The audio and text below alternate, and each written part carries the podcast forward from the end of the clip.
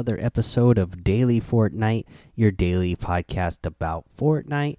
I'm your host, Mikey, aka Mike Daddy, aka Magnificent Mikey. Today, for all my Save the World lovers, we are going to get to the Save the World patch notes after the break.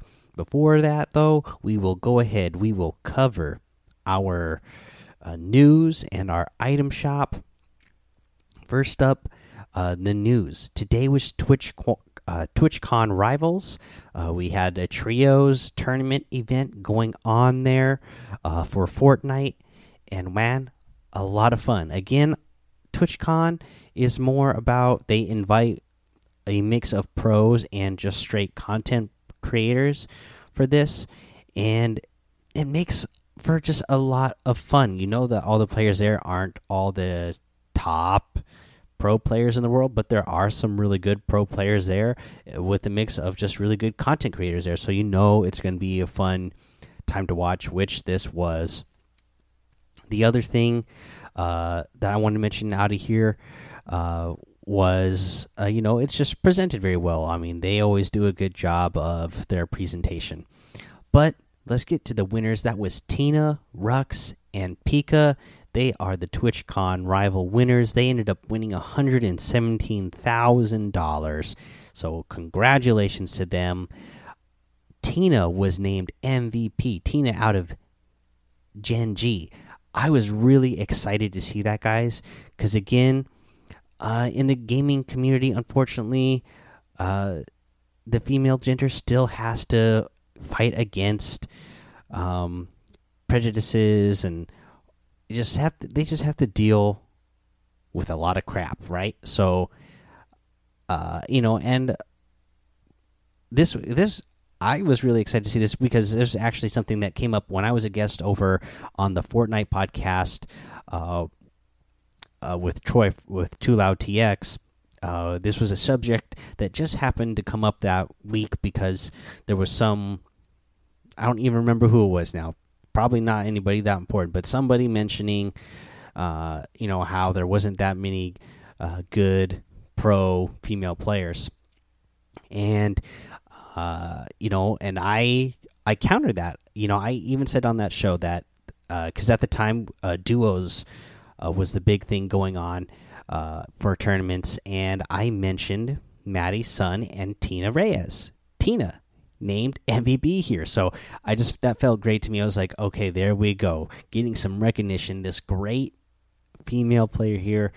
Uh, you know, not only does she win a competition, she's going to get some recognition here uh, from TwitchCon here. So I'm hoping you know all of you go give Tina a follow.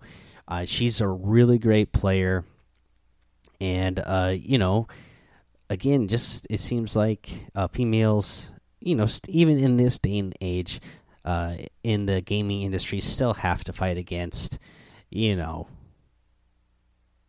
crap from, unfortunately, the the male gender, the the the the lower tier male gender uh, people. But yeah, that was really uh, cool to see, really fun. And again, this uh, team of uh, Tina, Rux, and Pika, they were all very humble. Seemed like they, you know, worked well together. So that was really cool to see. Just uh, all, all around, you know, GG's, good feels in there. Um, the other little bit of news that I have for you is so uh, there again, Samsung is doing some sort of uh, promotion with Fortnite that you can get, you know, a skin uh, if you have a Samsung device. Uh, but they tweeted this out, and, and Brian RTFM mentioned this in Discord because he wasn't, for some reason, he wasn't getting his skin, and this was actually just tweeted out a couple hours ago after Brian was saying that he was having problems. But this was uh, tweeted out by the Samsung Mobile uh, Twitter page saying that we are currently experiencing technical difficulties with the redemption of the Glow outfit due to an extremely high volume of server requests. We apologize for the inconvenience and will post an update when it becomes available again. So I guess so many Samsung users were trying to get it at once. They, you guys broke the system, and uh, hopefully they'll get it back up for you guys soon, and you guys will get that cool uh, glow outfit because that actually is a really cool outfit. uh, from what the I've seen in the pictures. Uh, but yeah, that's that's our news today. Let's go ahead and move on to a tip of the day. And the tip of the day is going to uh, be land on different bullseyes. And uh, so the bullseyes are in C6. Uh, let's see here. Uh, B8 and uh, G9 on top of that hill. So there you go. That's where the different bullseyes are. Again, just go land on them when you jump out of the battle bus. Boom, boom, boom. Easy to do. All right, let's go ahead and cover the item shop now as well. Uh, but the first thing we'll talk about is the community choice winner. That is the Ragsy outfit again. Uh, Ragsy, you know, say hello to your worst nightmare. This was the one that is like the cuddle team leader, but it's totally torn up and beaten up and all broken. Um, you know, you get the default style, uh, one with the jacket, uh, the glow style where it's got the X over the eyes, and the whole skin is darker, and then the same version, uh, but wearing a jacket and it comes with the heartless back bling as well. Also has, oh no, sorry, and then uh, I also want to mention the store. So in the store, before we get to the rest of the items, is the Fortnite P1000s challenge pack. In this, you get the P1000 outfit, which is a Peely robot, Peely mech, uh, but this is Peely. This is after he's been turned into a smoothie. So uh, he is now kind of like a Iron Man uh, Peely. So if you saw the little trailer video that they put out, that was the whole thing. It's Jonesy, and he's hammering something just like you would have seen from the original Iron Man movie when Tony Stark is uh, uh, making the original Iron Man suit. Uh, he is hammering away just like Tony Stark is hammering uh, when making that suit, and he makes that P1000 outfit, um, and the and the smoothie version of Peely it goes at the top where the head is, so it's a really cool looking outfit. Uh, let's see here. It also has a Peely Pulse built-in emote and uh, you get the P1000 challenges. So you can unlock up to 1500 V Bucks as you complete limited time challenges. So um, the limited time challenges right now are the ones where you have, you know, that that week to get them done. Now it says that there's nine total, which is something that uh, Brian RTFM noticed in Discord as well and posted. So that might tell us that uh, maybe there's going to be more limited time challenges in season 11 as well, just because it doesn't seem like there's enough time to get nine of these done before the end of season 10. But we'll we'll see what they go ahead and decide to do. But yeah, there's that. Let's get back to the rest of the item shop. And uh, for that, we have the supersonic outfit with the gauge back bling. And remember, this is the one that has the skull, wolf, hornet, and falcon styles. Uh, so really cool one there. Uh, also, you get that Surefire glider in the item shop, the Stealth Black Wrap, which is one that I really love, and then the Dog Fight uh, wrap as well. You have that Scully outfit, which uh, I've always loved, with the Scully Splitter harvesting tool, which is a really uh, cool harvesting tool. And uh, let's see here, we get the Snack Attackers harvesting tool it's part of the leftover set when the craving strikes. Um, so that is a new harvesting tool that we have in the game. It's got uh, the Durr Burger head and uh, tomato head uh, as part of the as part of the tool there, and like a cuddle team leader type of scythe at the top. I don't know. They they they look pretty cool.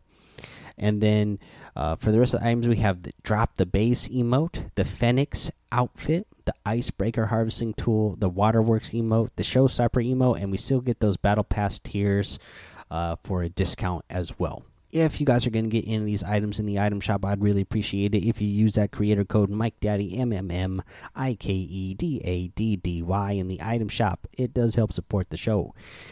Guys, let's take our break here. We'll come back with those patch notes for Save the World version 10.40.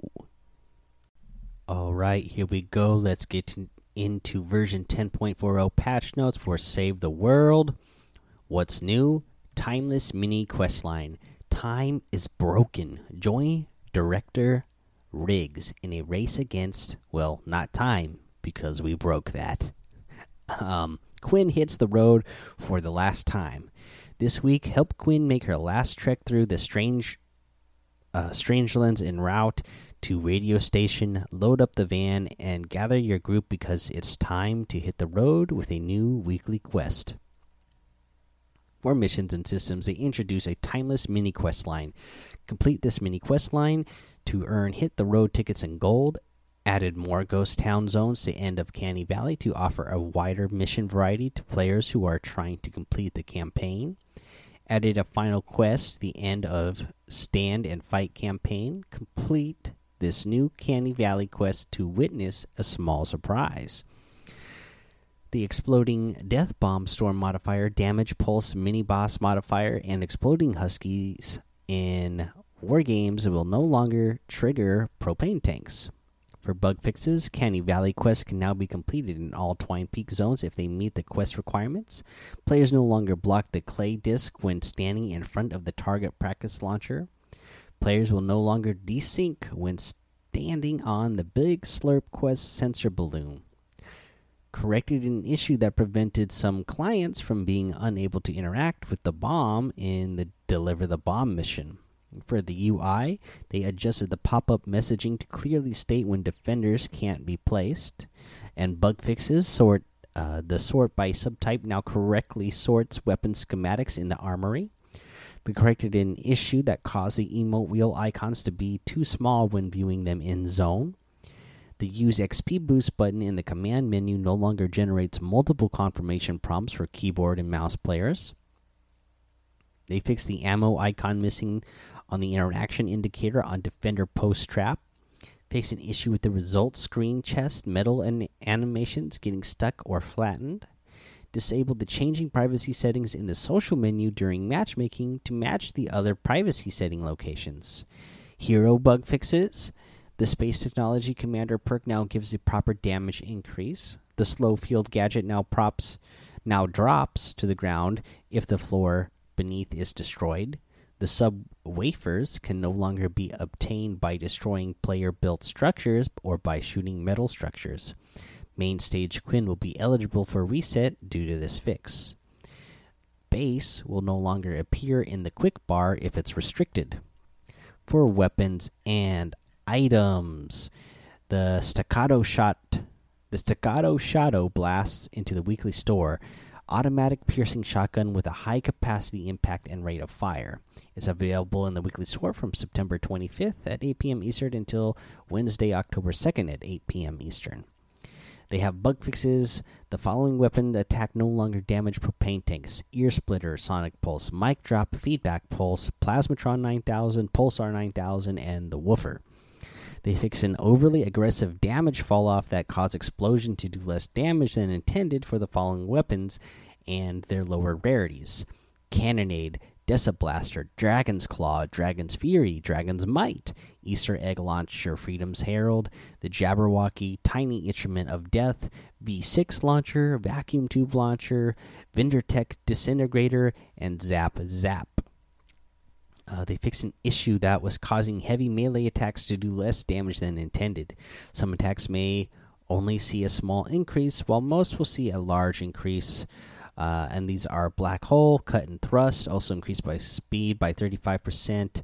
The Double Chop, the Double Whack, the Double Slash, the Electric Smash, Energy Slam, Golf Swing, Home Run, Hydraulic Smash, Joust, Leap Attack, Maelstrom, overhead smash, push and swipe, quad chop, special strike, steampunk smash, up and over, and whirlwind attack. They corrected the damage zone to be in front of the impact point instead of centered for the heavy attack on the following weapons Guardian's Will, Lead Sled, and the Walloper. Sound Wall Trap now shows appropriate power level, and the Sound Wall Trap now triggers if enemies clip through the speakers. For enemies, bug fixes, Riot Shields no longer spawn before the Riot Husky has finished spawning, and Husk no longer walks sideways after bull rushed off high elevation. And that is all of the patch notes for Save the World version 10.40. Thank you guys for checking out the episode. Make sure you head over to that daily Fortnite Discord, hang out with us over there. Follow me over on Twitch and YouTube, Mike Daddy on both of those. Head over to Apple Podcasts, leave a five star rating and a written review for a shout out on the show. Subscribe so you don't miss an episode. And until next time, have fun, be safe, and don't get lost in the storm.